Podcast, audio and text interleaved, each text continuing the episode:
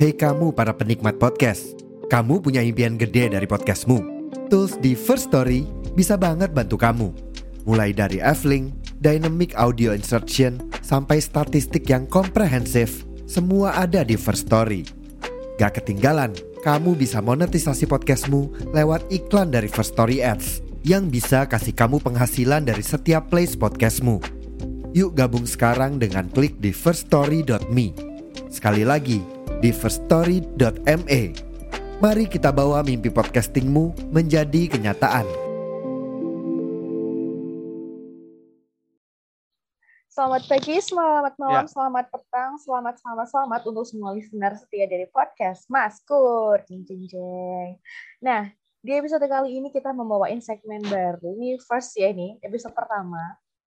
Eh, episode terbaru yaitu Tell Iya, Us About bener You. banget. Nah, episode Tell Us About You ini ceritanya tentang eh, kami, kami nggak tuh, dari podcast Maskur akan mendengarkan curhat-curhatan dari teman-teman semua tentang keluarga boleh, tentang kisah cinta boleh, pokoknya curhat apa aja deh.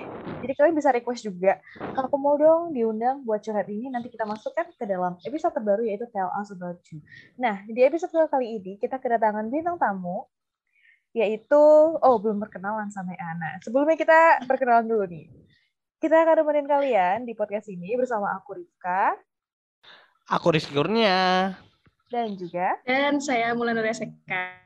Nah, eh, bintang tamu kita pada malam hari ini ada teman ngobrol kita nih, ada Kak Mulan Nuria, eh Nuria Seka. Nah, jadi Kak Mulan mau cerita Ya, tentang, Seka, Mulan Nuria Seka.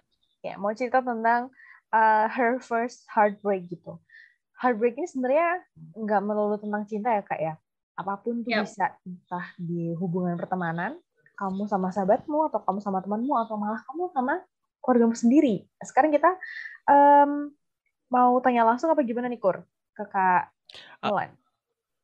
Mending kita langsung ini ya, Rif, apa dengerin ceritanya Mulan sendiri karena first heartbreak-nya Mulan tuh apakah dari doinya atau tentang keluarganya, ya kan? Tapi ya pasti menarik ceritanya, ya kan? Ya untuk listener yang mendengarkan siapin tisu aja karena paling nanti yang cerita juga mau nangis juga. Iya. Agak Mungkin sensitif ya. ya, soalnya. Hmm, siapa tahu. Nah, iya kan. Kita mungkin bisa tanya ya.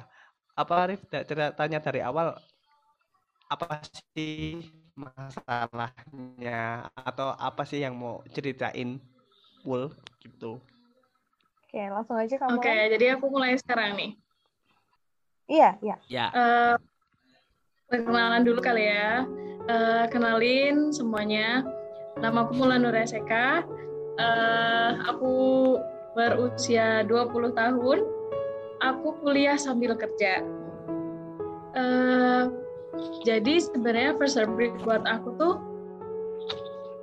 buat aku sendiri ya, aku pribadi, momen di mana aku ngerasa sakit banget sama orang itu entah dari omongannya, entah dari sikapnya, entah dari cara dia menyampaikan sesuatu itu yang yang mungkin menyakiti aku. Mungkin buat dia sepele tapi ternyata buat aku tuh sakit banget dan ngena keinget sampai sekarang.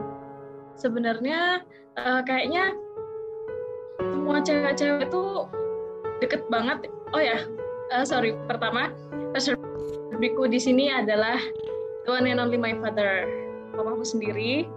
Eh, setiap cewek tuh kayaknya, apalagi anak pertama ya, anak pertama cewek atau mungkin anak cewek satu-satunya, pasti tuh punya angan-angan kayak menjadikan sosok ayah itu first love.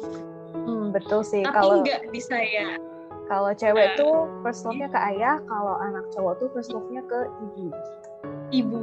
Nah, tapi Benar. ternyata papaku itu adalah first heartbreak, bukan my first love.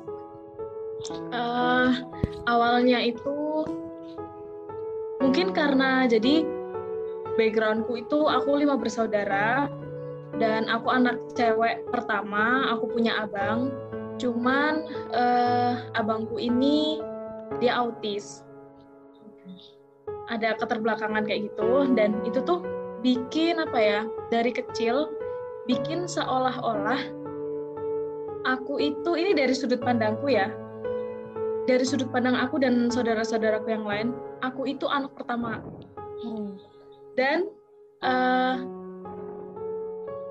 lima saudara ini cowok tuh cuma satu abangku aja yang lainnya empat empatnya semuanya perempuan aku anak perempuan pertama jarak aku sama saudara-saudaraku tuh pendek-pendek banget mungkin karena orang zaman dulu kali ya nggak nggak KB gitu istilahnya jadi banyak anak banyak rezeki Iya, Bu. Iya, iya. memegang teguh prinsip itu ya orang tuaku. Terus eh, lahirlah abangku dengan kondisi dia yang seperti itu. Selisih lima tahun lahir aku.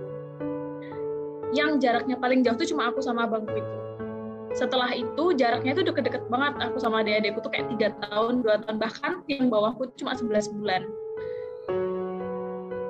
Kata mamahku, aku masih nenen sebelah kiri, adikku tuh minta nenen sebelah kanan yang bawahku.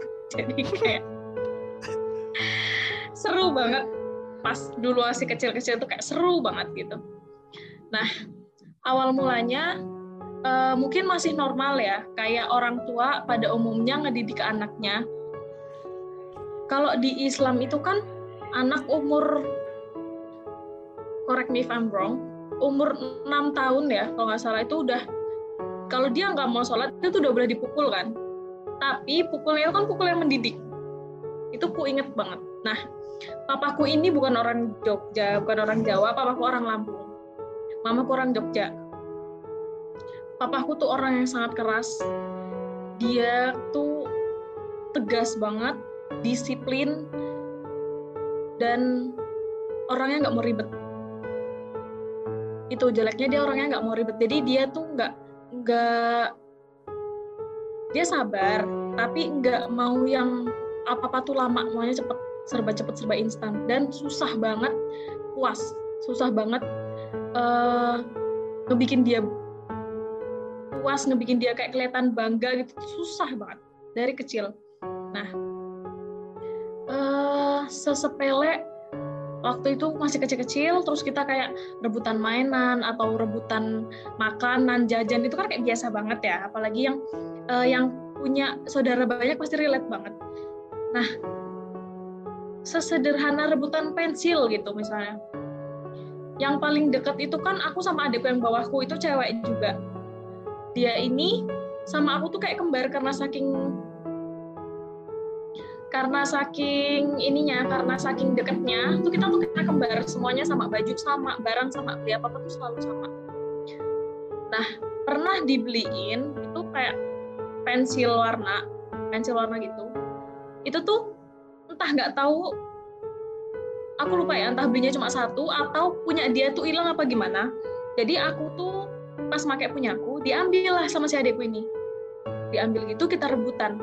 Nangis berdua nih si pensil ini tadi tuh bukannya dikasih ke ya bener sih kalau dikasih ke salah satu kan nanti jadi nggak adil ya. Tapi si pensil ini diambil dihancurin terus kita berdua tuh di dihajar yang bukan dihajar maksudnya kayak disabet ngerti nggak? Kalau orang Lampung di sana itu marah dikit tuh ngancamnya papa sabet papa sabet udah lama nih nggak nyabet. Kayak gitu-gitu kalau kita lagi berantem gitu. Ada ada suara dikit tuh. Kayak gitu. Gimana? Kayak apa eh, nyambetnya gitu pakai? Entah. Nggak pernah pakai tangan. Jadi Oh, entah pakai eh, ada mistar besi. gitu ya. entah pakai. Jadi kan mamaku usaha makanan gitu kan. Nah itu tuh kita punya kayak adat buat ngadon panjang gitu. Kayak da, kayak ga- dayung. Dayung kayu. Hmm, hmm. pakai itu. Dan itu tuh bener-bener yang tebel panjang gede gitu buat nyabet patah itu. Eh, itu tapi kejadiannya di di, situ- umur berapa kak? Kalau boleh tahu. aku udah udah aku dari kecil kayak gitu tuh udah aku udah dari kecil. Tapi itu udah biasa banget kayak ya. apa ya? Iya bekas banget masih keinget banget. Cuman itu tuh kayak udah biasa gitu di keluargaku itu udah biasa banget. Karena itu cara mungkin cara papa ngedisiplinin kita kayak gitu ya. Itu udah common banget dan itu tuh aku terima aku bisa nerima nah itu kayak awal mulanya dari kecil tuh kayak gitu kayak gitu kayak gitu kayak gitu kan. Lama-lama kayak oh ya berarti memang eh, mungkin habitnya papa ngedidik kita tuh kayak gini caranya dia tuh mungkin kayak gini kita tuh masih nggak apa-apa. Nah aku mulai uh, bisa ngambil hati mulai mulai aku sakit hati sama dia itu ketika aku udah mulai agak gede SMP aku suka banget nulis aku suka banget baca aku suka banget uh, ngomong cerita gitu aku suka. Aku pernah ikut lomba uh, jadi si lomba ini tuh dia lomba nulis. Nanti menang nggak menang itu bakal dijadiin satu buku gitu majalah gitu disebarin ke seluruh SMK sejogja. Nah karena aku tahu aku nggak mungkin aku tuh nggak boleh mamaku tuh nggak suka. Karena dulu aku pernah punya diary waktu aku zaman pas 4 SD ya saya ingat kalau nggak salah. Aku tuh punya diary. Buku diary itu di situ aku tulis tuh. Dari kecil tuh aku udah suka banget nulis. Aku nulis. Aku lupa tulisannya kayak gimana. Mungkin intinya aku nulis aku suka sama orang tapi nggak aku tulis namanya. Aku mungkin su aku nulis apa loh waktu itu aku suka sama sama teman kawanku sekelas kayaknya. Terus uh, buku itu tuh ku bawa buat TPA ah bawa TPA terus selisih berapa ini uh, ada pengajian kan dan itu sama orang tua gitu. Nah buku itu tuh aku titipin ke mama aku kasihin ke mama maksudku buat nyatat-nyatat kan kalau TPA apa segala macam kayak ngaji-ngaji kayak gitu. Aku titipin sama mama dibuka lah sama mama dibaca itu semua tulisan anak alay itu tadi. Udah dibaca aku pulang. Nah besokannya mama aku ngomong sama aku Mulan kamu ngapain nulis kayak gini? Gak ada gunanya gini-gini nggak waktu itu nggak gitu ngomongnya gini. Ngapain kamu nulis kayak gini? Nggak bener ngomongnya kayak gitu. Pak intinya nggak bener gitu. Aku nggak boleh kayak gitu. Intinya kayak gitu. Nah terus ya aku bilang itu selisih ini udah itu udah kejadian lama banget. Nah balik lagi ke waktu aku SMP aku nulis ini aku inget. Aku nggak akan mungkin dibolehin kalau aku ikut ini. Jadi waktu itu temanku yang ikut karena dia ketua osis dia yang ikut. Padahal guru-guruku tuh tahu kalau aku yang harusnya maju tuh aku. Tapi aku nggak mau. Waktu itu aku bilang aku nggak mau nggak bisa. Yang maju biar temanku aja nanti temanku aku bantuin. Waktu itu aku bilang gitu. Jadi eca ecanya aku jadi ghostwriternya. Nah terus uh, aku bantu dia nulis dan waktu itu tulisannya bukan fiksi ya. Waktu itu tulisan beneran uh, temanya tuh kayak Indonesia gitu kalau nggak salah. Terus itu tuh cerpen cuma jadi nggak sampai dua halaman. Dan satu satu setengah halaman itu tulisanku. Setengah halamannya se, seperempat halaman itu tadi tulisan temanku. Dan nama yang ditulis di situ itu nama dia. Aku pulang ku bawalah buku itu tadi. Aku punya buku kecil ku tulis. Itu cuma buku kayak orat-oratan matematika gitu loh. Ku tulis di situ tulisannya. Ini ini ini ini ini, ini, ini, ku taruh yeah, di atas yeah, meja. tahu, tahu. Tinggal sekolah. Aku sekolah. Aku sekolah. Aku pulang sekolah. Tulisan itu udah nggak ada. Tulisan itu udah nggak ada di atas meja. Udah dikuel-kuel udah disapu. Dan itu disapunya nggak yang dibuang. Jadi kayak ditaruh di apa jatuh dari bukan jatuh disapuin ke depan halaman rumah aja gitu. Pas ku cari aku tanya sama mama. Aku nggak nanya tapi aku kayak firasat tuh kayak nggak enak. Kok nggak mungkin nggak ada di sini nggak ada yang mindah. Ini tulisan aku yang bisa baca cuma aku. Oh udah nggak ada di sini. Terus mamaku ngomong kamu nulis apa jadi sama mama tuh nggak dibaca tulisan itu. Dia cuma asal ngual aja cuma tapi karena dia lihat itu tulisanku sama dia dikual dibuang. Kamu nulis apa? Gak usah nulis nulis kayak gitu nggak guna. Tuh ke, tapi sebenarnya itu nulis apa kak? Itu diary nulis diary bukan itu tulisanku si lomba itu tadi yang buat lomba yang jadi ghost writer tadi ya kak ya? Iya uh -uh, uh -uh. itu dibuang tulisan itu dibuang. Karena waktu itu masih zaman tahun berapa ya? Gaptek SMP mungkin? Itu SMK kelas 1 oh. SMK kelas 1 tapi karena aku kan SMK ya jadi kayak nggak pernah megang-megang laptop gitu kan. Iya iya iya. SMK mainnya praktek ya, aku ya. juga sekolahnya boga jadi yang dipegang wajan nggak nggak sempat iya, pegang-pegang iya. laptop Nah, yeah. habis itu tulis di kertas itu dibuang lah sama mama. Dari zaman SMP, aku tuh udah seneng banget beli novel. namanya anak alay yang dibeli novelnya novel cinta cinta-cintaan monyet yang dibaca jadi kepengaruh kan apa pun yang kita baca sesepele apa pun yang kita baca itu pasti bukan mempengaruhi kan mempengaruhi apa yang mempengaruhi pola pikir kita kan anak umur ya, SMP ya. yang harusnya belum ngerti pacaran karena apa yang dibaca cinta-cintaan jadi dia imajinasinya udah kebawa ke sana kan? Nah aku tuh beli setiap aku beli aku sumputin beli aku sumputin jadi aku kalau baca novel nggak lama cuma satu buku tuh mungkin tiga hari empat hari itu. Aku baca selesai aku sumputin baca selesai aku sumputin bacanya di sekolahan bacanya di ini. Aku sumputin terus sampai ternyata tuh udah banyak banget jadi rak buku.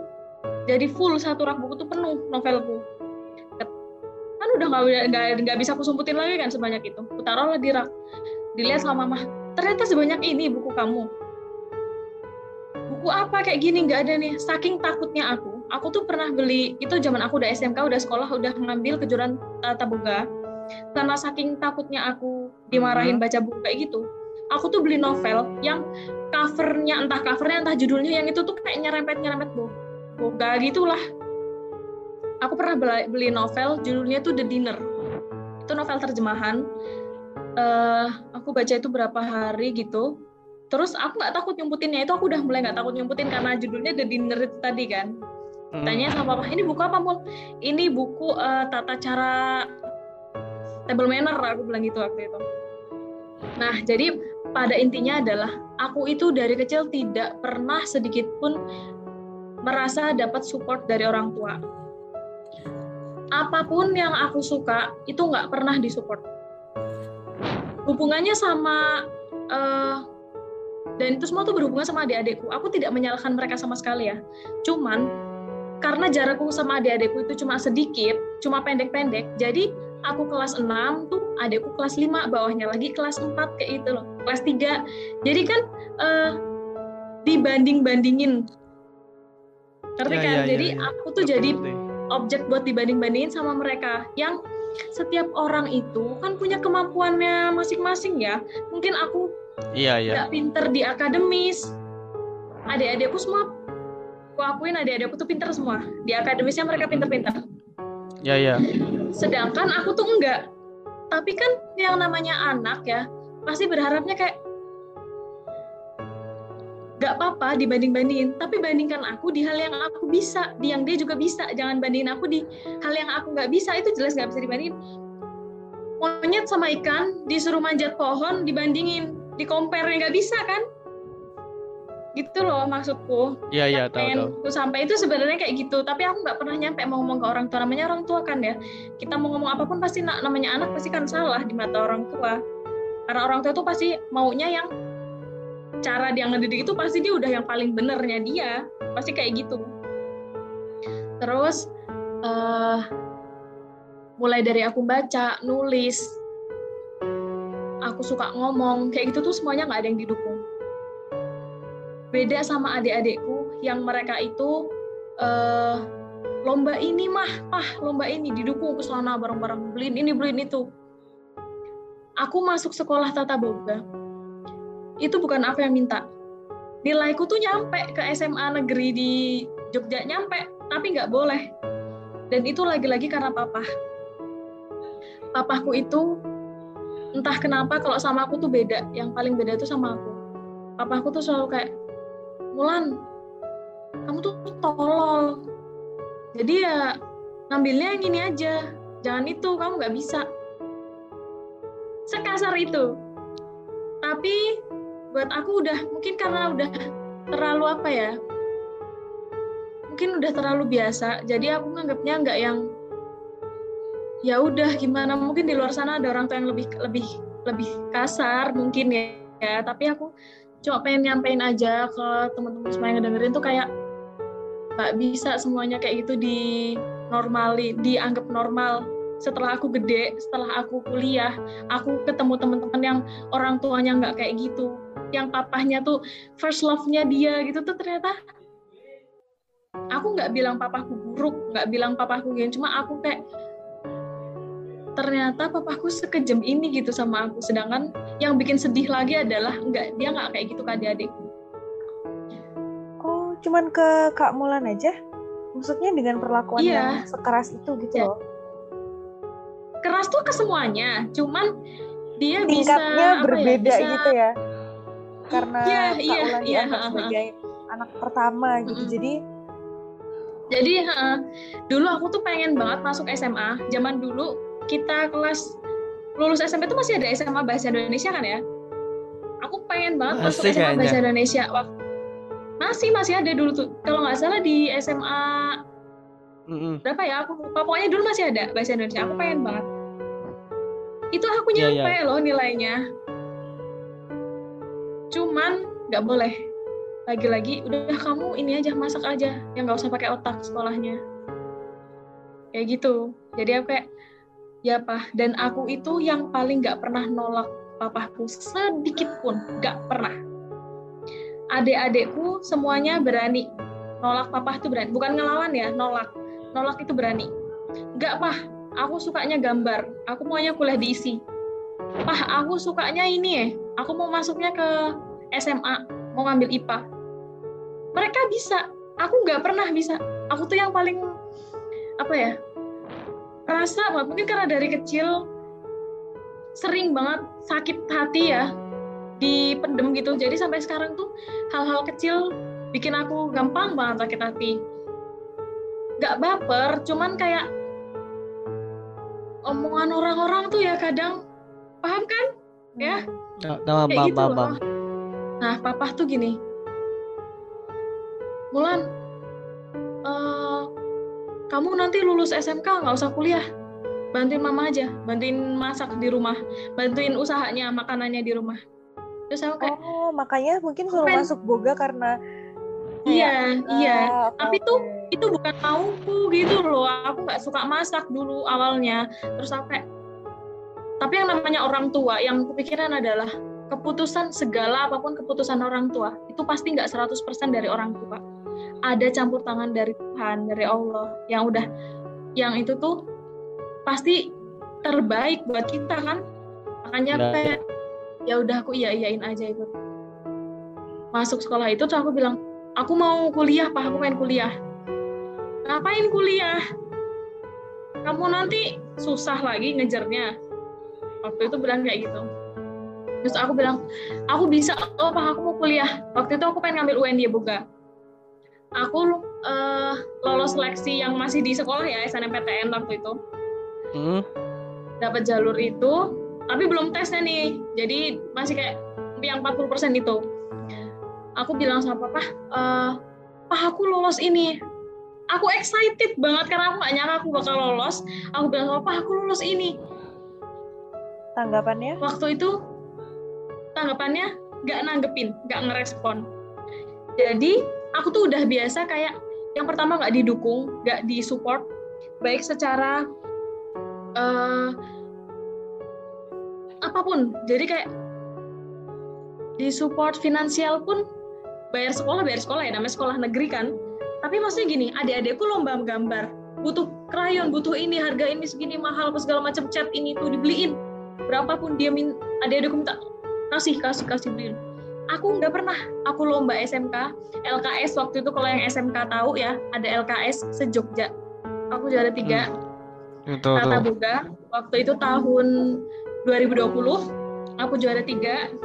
Dan sertifikat itu bisa aku pakai buat ngelolosin. Aku masuk di Boga itu tadi. Wah aku udah optimis banget dari si- semua guru udah mendukung apa segala macem Eh, terus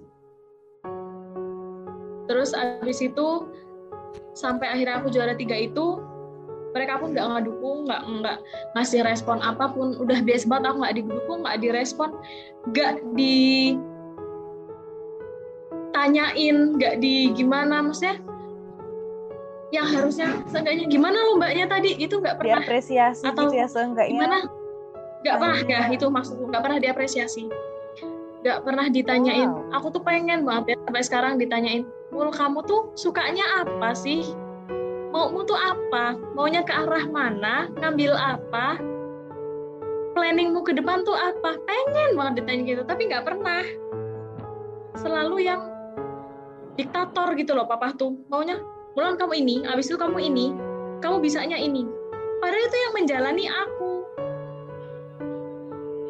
sampai eh, kemarin daftar kuliah itu aku udah lolos itu aku bilang lah sama papa nggak direspon. Selisih uh, kurang abis UN terus kurang sudah kurang berapa minggu gitu ya. Aku kerja. Aku ngomong sama mamaku mah aku mau kerja. Karena kalau anak SMK tuh kan biasanya kerja ya, ya casual casual ya, ya, gitu ya. aku kerja aku keterima kerja. Belum wisuda aku udah kerja sama temanku aku udah kerja. Sambil aku nunggu keputusan si kuliah ini tadi nih pengumumannya apa segala macam. Ternyata SNM ini tadi aku udah coba aku uh, akhirnya nggak lolos. Akhirnya aku nggak lolos. Terus aku bilang sama papa aku ternyata nggak lolos. Gimana kalau nanti aku mandiri aja? Atau SBM mungkin ya? Iya uh, SBM itu jaraknya kan itu udah lama ya udah. Pokoknya udah lama. Jawabannya papa tuh Mulan kamu kuliahnya tahun depan aja ya. Digituin. Kamu kuliahnya tahun depan aja ya. Uh, soalnya papa belum ada duit. Ngomongnya kayak gitu. Ku pikir belum ada duit itu setelah aku pikir-pikir ya belum ada duit itu mau ngumpulin duit dulu buat tahun depan aku kuliah. Ternyata setelah aku pikir-pikir lagi tahun depan itu adekku dia kuliah. Aku udah kesusul dia. Oh jadi nah, satu jadi ya nanti masuk kuliah uh, uh, uh, pada intinya adalah aku itu nggak usah disuruh kuliah. Ya yang kuliah biar adekku aja. Nah jadi aku bilang lah sama adikku e, udah kamu kuliah aja. Kamu mau kuliah di mana? Ngomong aja sama papa sama mama.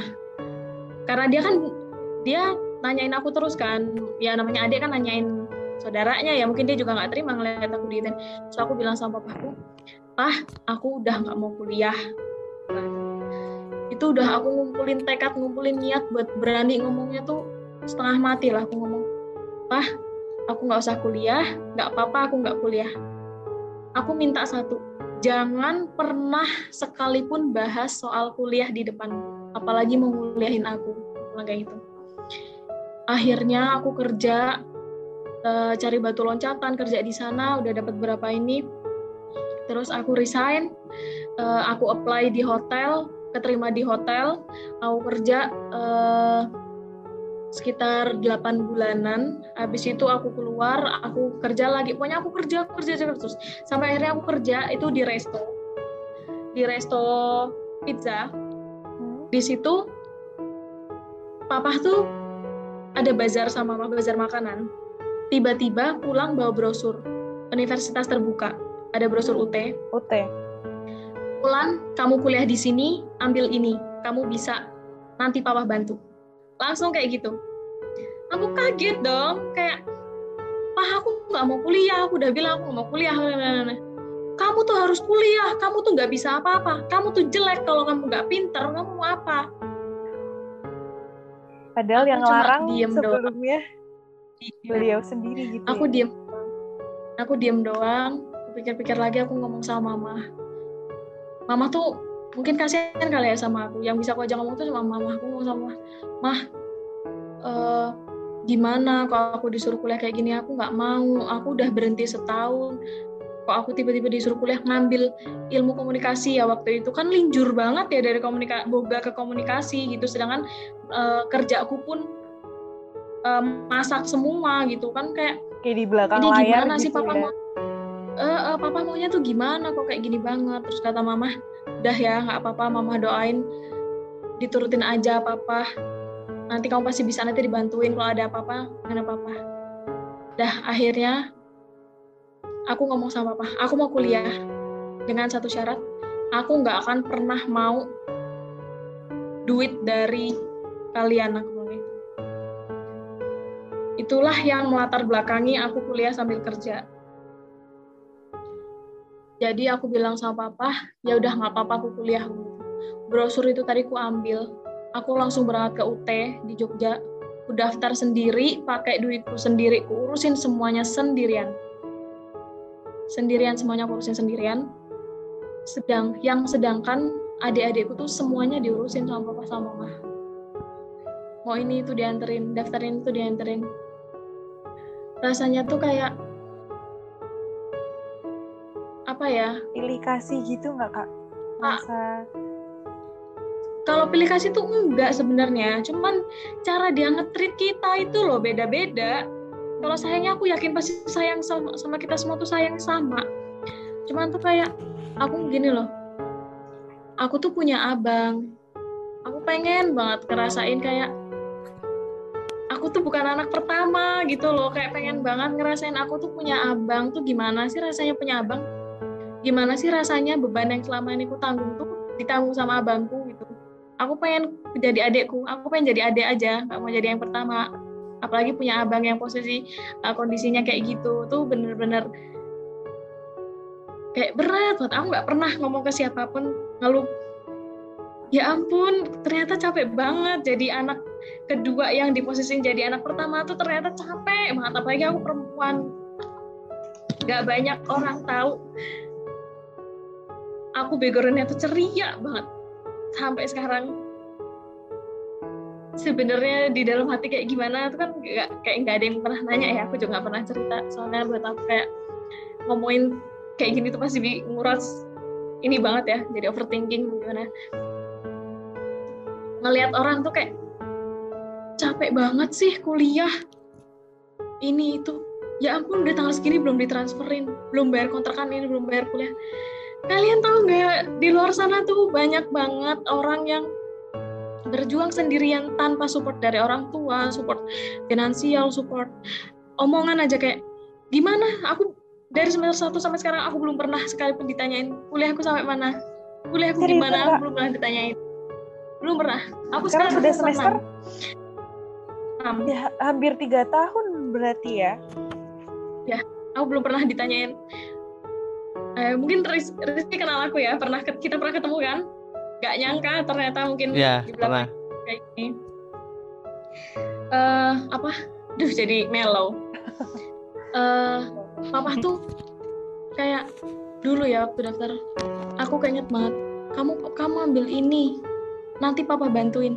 Sampai sekarang nggak pernah sekalipun nanya gimana sih mau kuliahmu kamu nanti mau ngambil ini nggak ngambil itu nggak nggak nanya kayak gitu sedangkan aku ngeliat adik-adikku tuh wah butuh ini butuh itu langsung iya langsung ini langsung itu.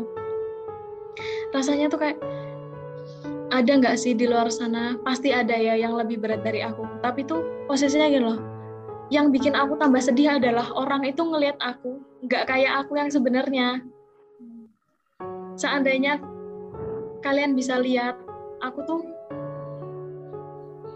sedih banget gitu loh aslinya. Tapi aku berusaha nutupin kayak gini gitu. Tiap kali lihat orang punya papa yang scroll Instagram scroll scroll TikTok ya orang dapat punya papa yang support anaknya gitu nangis. ya. gak usah disupport banget dikuatin di ini di itu. Aku nggak pernah ngerasain kayak gitu. Aku nggak pernah. Aku punya abang aku punya papa. Orang tua aku nggak divorce tapi aku nggak pernah ngerasain sosok ini loh papaku ini loh abangku. Aku pengen banget punya tapi tuh gimana ya? Mau gimana lagi? Adanya kayak gitu kan bisanya dijalanin aja. Ya udah mau bisa. Jadi pada intinya setelah cerita panjang ini first habitku adalah papa yang aku merasa di posisiku yang seharusnya dia itu jadi rumah, jadi tumpuanku pertama kali, aku anak cewek pertama, aku pengen banget mengimpi-impikan punya papa yang bisa seandainya papaku nggak eh, nggak kayak gitu, mungkin aku nggak akan pernah ngerasa aku butuh pacar, aku butuh cowok. Tapi karena aku nggak pernah ngerasain dapet sampai sekarang pun kenal cowok jadi takut, jadi ngerasa kayak eh, ah nanti pasti kayak gini nih. Jangan-jangan kayak papa nih nanti kasar nih nanti mukul nih. Nanti aku dibilang tolong nanti aku dibilang goblok nanti aku dibilang apa segala macem. Takut kalau kenal cowok jadi aku kalau mau kenal cowok tuh nggak ke cowok nggak ke cewek harus lama banget dulu baru aku bisa percaya Eh, Iya, iya, oke. iya. rasa pengen apa ya Oh ya, ini mau oke. Eh, mungkin aku mau tanya ya ke beberapa pertanyaan karena aku eh, baru dengar apa ya? Mungkin sama cerita cerita seintens ini gitu dari temen seseorang yang cerita full. Aku mau tanya dulu deh, Kak Mulan sekarang tinggal sama orang tua nggak? iya sama orang tua Sama-sama. orang tua aku nggak divorce aku nggak nggak yang oh ya oh iya ya itu sih ya sorry Ber- Berarti di nggak ngekos gitu kan berarti Kak Mulan? ya enggak enggak ngekos Eh, terus eh, tentang perilakunya um, ayahnya kamu, uh, papanya kamu beberapa yang memang seharusnya bukan kan karena kamu kan jadi normalize gitu kayak oh emang mungkin orang lain juga di treat yang sama kayak aku untuk mendisiplinkan. Nah ternyata setelah berteman sama orang lain loh papaku nggak gitu. Jadi ngerasa baru ngerasa berbeda ketika sadar bahwa um, yang papa lakukan itu memang uh, agak berlebihan gitu ya kak. Karena ya segimanapun juga orang tua marah nggak seharusnya sampai melakukan hal seperti itu. Ngata-ngatain darah dagingnya sendiri gitu. Nah kalau perlakuannya ayah apa apa yang kamu seperti itu kamu ngerasa nggak efek sekarang? Mungkin tadi ceritain yang uh, memiliki apa ya takut sama cowok tuh kayak was-was gitu ya rasanya. Atau ada lain nggak kak? Mungkin kamu kan berespektasi nih. Kalau sama mama hmm, karir apa ya bakat penulisku didukung sama papa mama gitu kak Molan udah ada bayangan gak kak? Kayak wah harusnya dulu kalau kayak gini aku bakalan kayak gini gitu. Pernah bayangin gak kak tentang kayak gitu? Aku nggak nggak nggak yang menyesali gimana gimana sih ya. Cuman aku eh, berharap aja. Sampai sekarang pun masih berharap. Seandainya papa sedikit aja support aku sedikit aja eh, bangga sama aku gitu. Walaupun aku memang nggak nggak aku mungkin dirasa dia nggak aku nggak ada pencapaian apa pun tapi itu karena aku nggak cerita sama dia. Karena setiap kali aku cerita aku tidak didengar aku nggak di susah banget mau masin dia tuh susah banget. Bahkan dia sendiri bilang kamu orang mau sampai kayak mana pun papa nggak akan puas. Nggak akan segampang itu bikin papa puas entah aku bingung aku tapi dia berhenti cuma sampai di situ jadi aku bertanya-tanya yang bikin dia tuh sampai aku harus kayak gimana gitu loh Eh, aku menang lomba masak, aku menang lomba nulis, aku nggak cerita karena itu semua aku perjuangin sendiri, aku rasain sendiri tanpa support mereka. Jadi aku rasa kalau aku cerita pun mereka nggak akan ngasih respon apa pun gitu. Jadi kayak aku diem aja. Tapi ke adikku aku cerita. Adikku bilang sama aku, Mbak kamu hebat loh. Kamu tuh kayak gini sama teman-temanku bilang, Mul kamu tuh hebat. Temanku yang udah kenal aku lama pasti mereka tahu. Mul kamu tuh hebat loh. Kamu bisa kayak gini sambil ini. Kamu bisa ini sambil ini. Tapi kan di balik itu semua gitu, aku nggak pengen denger itu dari orang lain. Aku pengen denger dari orang tuaku sendiri, dari mamaku, dari papaku. Eh, semua yang udah aku dapetin sekarang, aku tahu itu pasti dari doa mereka juga. Nggak mungkin aku bisa sampai sekarang kalau bukan karena doa mereka. Kalau bukan karena nasi yang mereka kasih ke aku aku nggak akan segede ini. Cuman apa ya setiap anak tuh pasti pengen banget dengar orang tuanya bilang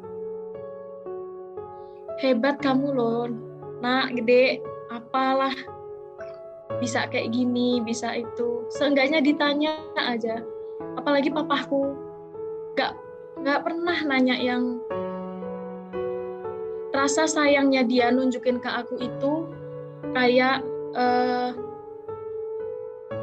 misal aku kerja masuk malam masuk sore terus pulangnya malam terus malamnya lagi aku masih ada kuliah. Nah itu baru aku bilang sama papa pah aku kuliah sampai malam ya jam 12 paling jam 1 baru selesai. Anterin ya pah itu dianterin. Dan dia itu bagusnya dia dia itu orangnya nggak pernah berhenti nasehat. Nasehat ke semua anak itu nggak pernah berhenti. Setiap hari setiap menit setiap waktu itu dia nasehat terus. Kamu orang itu jadi orang yang jadilah yang berguna buat orang yang jadi orang baik jangan benci orang jangan pilih-pilih temen selalu kayak gitu. Cuman ini loh dia tuh selalu bandingin aku sama anak anak-anak orang lain ya. Biasa kan ya orang tua kayak gitu. Kamu lihatlah itu si ini. Kayak gini gini gini. Cuman kan aku kayak pernah nggak kamu itu rasa papa tuh rasa aku itu udah ada loh lebih baiknya dari si orang yang papa bandingin itu. Kayak gitu loh. Kayak aku pengen ngomong tapi aku nggak pernah bisa nyampe ngomong kayak gitu. Ya ya ya ya. Ya, ya. ya walaupun ini ya aku udah ketemu Mulan udah pernah main. Udah walaupun baru cerita walaupun kemarin-kemarin juga sempat cerita tapi ya baru kali ini ya mungkin Mulan ceritanya full ya sebenarnya aku sama sih kayak teman-teman Mulan. Ya kamu hebat ya kan? Bisa sendiri apalagi anak perempuan. Rifka pun kayaknya sama ngomongnya. Kamu hebat juga. Uh, Iya dong. gimana- mungkin semua orang tuh punya latar belakang yang berbeda-beda. Pun aku juga karena latar belakangnya Ulan seperti ini atau ternyata dari latar belakang seperti ini tuh kamu tuh masih bisa sampai seperti ini juga. Terus kalau mesti kamu kalau lihat orang-orang yang kayak eh anjing belum dikasih uang jajan belum bayar kos uangku udah segini mesti kamu agak-agak anjing nih apaan nih orang Iya, sebel. Nggak tahu ini. sebel Padahal sini nyari duit banget. sendiri gitu dia ya. nggak tahu gimana caranya aku harus nabungin gajiku berapa bulan buat bayar kuliahku gitu Iya kan mereka nggak tahu Hmm, makanya kan makanya kan pikir ternyata oh ternyata masih ada masalah yang lebih masalah lagi dari yang kita punya Mm-mm. gitu loh menurutku dan Mulan tuh merasakan bahwa pasti masih ada yang lebih dari aku ini nggak mungkin ada yang ini ya Mm-mm, kan mm-mm. itu Mm, menurutku gitu. kayak apa ya Tapi kayak yang- cara menenangkan apa? diri gak sih kayak eh, ada yang lebih apa aduh nggak apa-apa nggak apa-apa ada yang lebih ini dari aku kok itu kayak cara lebih menenangkan diri kayak gitu yang selalu yang selalu di otakku tuh jangan cengeng. Jangan ngeluh. Kamu tuh belum apa-apa dibanding yang di luar sana. Kamu tuh kerja. Kamu tuh masih bisa kuliah. Bersyukur. Selalu yang yang ku ini masih kayak gitu. Aku masih punya adik-adikku yang sayang sama aku. Aku masih punya mama. Masih punya papa yang pasti walaupun dia seperti itu pasti dia juga sayang sama aku. Selalu Iya, iya. gituin yang ada di otakku jadi kayak mau ke sini nggak ada apa. Bisa. Jangan ngerepotin orang lain. Pasti selalu jadi itu tuh kebawa cara aku nge-treat orang itu jadi kayak gitu aku nggak suka sama orang yang menyek menyek yang dia "Ih, ini nah, nah, nah." Hmm. apa sih gitu loh kayak bisa kamu itu bisa karena terbiasa kalau kamu nggak bisa itu berarti karena kamu belum terbiasa itu Iya, selalu- iya. mamaku tuh selalu bilang pasti bisa harus bisa nggak ada yang nggak bisa Mm-mm. terus selalu aku pegang sampai sekarang Iya iya. Ya benar banget sih yang diomongin bulan dulu. Tapi nih uh, mungkin sebelum closing nih ya, mungkin sebelum closing dan nanti mungkin ada sedikit ka- kata-kata dari bulan ya kan untuk listener listener juga karena emang ini ceritanya Mulan juga. Mungkin nanti Mulan bisa kasih apa masukan kepada listener listener harus gimana gitu kan ya. Eh, mungkin yang dari aku Eh, aku tahu Mulan, Mulan kalau main diantar papahnya pulang, ma- kalau nggak gojek sendiri atau nggak sama temennya, aku tahu dia juga kayak apa-apa papahnya juga harus tahu, walaupun ya tadi dengerin ceritanya sendiri, ya kan. Nah aku yang mau yang aku tanyain, semisal nih Bul, apa? eh, kan nantinya ini nanti akan di up kan, semisal suatu Hmm. saat nanti, aku juga nggak akan nggak akan tahu mama papamu dengerin ceritamu ini yang mama papamu apa Mm-mm. yang mau dengerin ceritamu ini apa Mm-mm. yang kamu omongin Hmm. pesan Eh. ke papa mama gitu Mm-mm. Eh, jadi orang tua itu nggak gampang, tapi jadi posisi anak itu juga nggak mudah. Anak itu maunya didengar, dibimbing, disupport. Jadi salahnya anak itu belum tentu 100% salahnya dia. Mungkin karena orang tua yang kurang mendengarkan. Iya. Itu aja. Oke, iya ya, bener banget tadi. Ya semoga nanti semisal orang tuanya dari Mulan mungkin mendengarkan itu pusing pesan dari anak bapak dan ibu yang dikata yang yang kata diri sendiri ini dia anak pertama bahwa tapi menurut dia dia tuh punya abang gitu. Dah mungkin ini Wulan kan nanti dari untuk orang tua. Mungkin untuk listener ada nggak sih? Eh apa ya? Khususnya buat anak perempuan pertama ya kali yang sama kita posisinya. Rifka pertama. Oh iya. Bungsu, enggak aku bungsu. Kita bertolak belakang. Kamulan sulung, aku bungsu. Gimana kak? buat anak perempuan pertama di luar sana buat yang mendengarkan jangan pernah berharap ke siapa pun jangan pernah terlalu dekat dengan siapa pun lakukan semua yang ada di depanmu karena kamu mau lari pun gak akan pernah bisa jangan pernah bergantung sama siapa pun apalagi laki-laki Jangan pernah Iya. bergantung dengan laki-laki. Oke. Harus bisa sendiri. Pasti bisa, harus bisa, nggak ada yang nggak bisa. iya benar itu tadi tepuk tangan dulu nggak buat Kamulan? Los, iyalah. Itu tadi dari Mulan ya kan buat listener-listener nanti yang mendengarkan mungkin kalian punya ada keluh kesah yang sama mungkin bisa kalian ceritakan juga di sini ya kan? Kita siap menampung eh, cerita-cerita kalian juga. Nanti silahkan hubungi di IG, Twitter dan TikTok gitu. Tapi jangan lupa juga di untuk di follow IG kita @maskur.podcast dan juga TikTok @maskur.r dan Twitter apa Rifka? Ada di pot, eh, Maskur underscore PODCST dan juga aku mengucapkan terima kasih kepada Kak Mulan sekali lagi yang udah mau membagi cerita ini.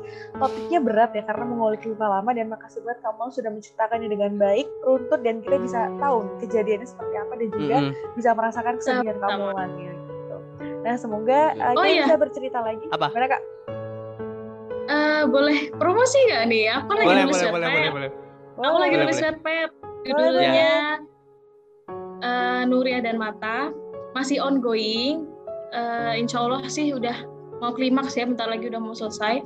Cuman eh, mau ku seriusin, pengennya sih diseriusin. Insya Allah bakal ada cerita-cerita yang lain. Buat teman-teman yang baca webpad atau yang sama-sama nulis webpad, boleh banget webpadku dibaca, di-review. Maaf banget kalau masih banyak tipe bertebaran di mana-mana karena aku masih penulisan amatir yang baru memulai menulis lagi. Boleh bantu banget dibaca, di like, di komen juga boleh. Atau mau yang ngechat aku via webpad mau nanya-nanya boleh banget.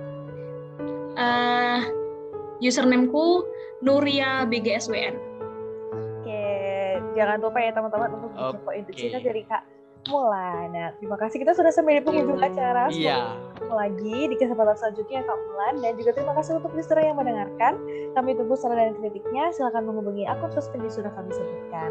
Sampai jumpa di episode selanjutnya. Saya Arif Farana Utami pamit. Saya Rizky Kurnia pamit dan juga bintang tamu kita. Saya Mulan Rizka Bangsaan pamit. Dan Sampai sampai, jumpa di episode selanjutnya. selanjutnya. Terima kasih. See you. Dadah. Thank you.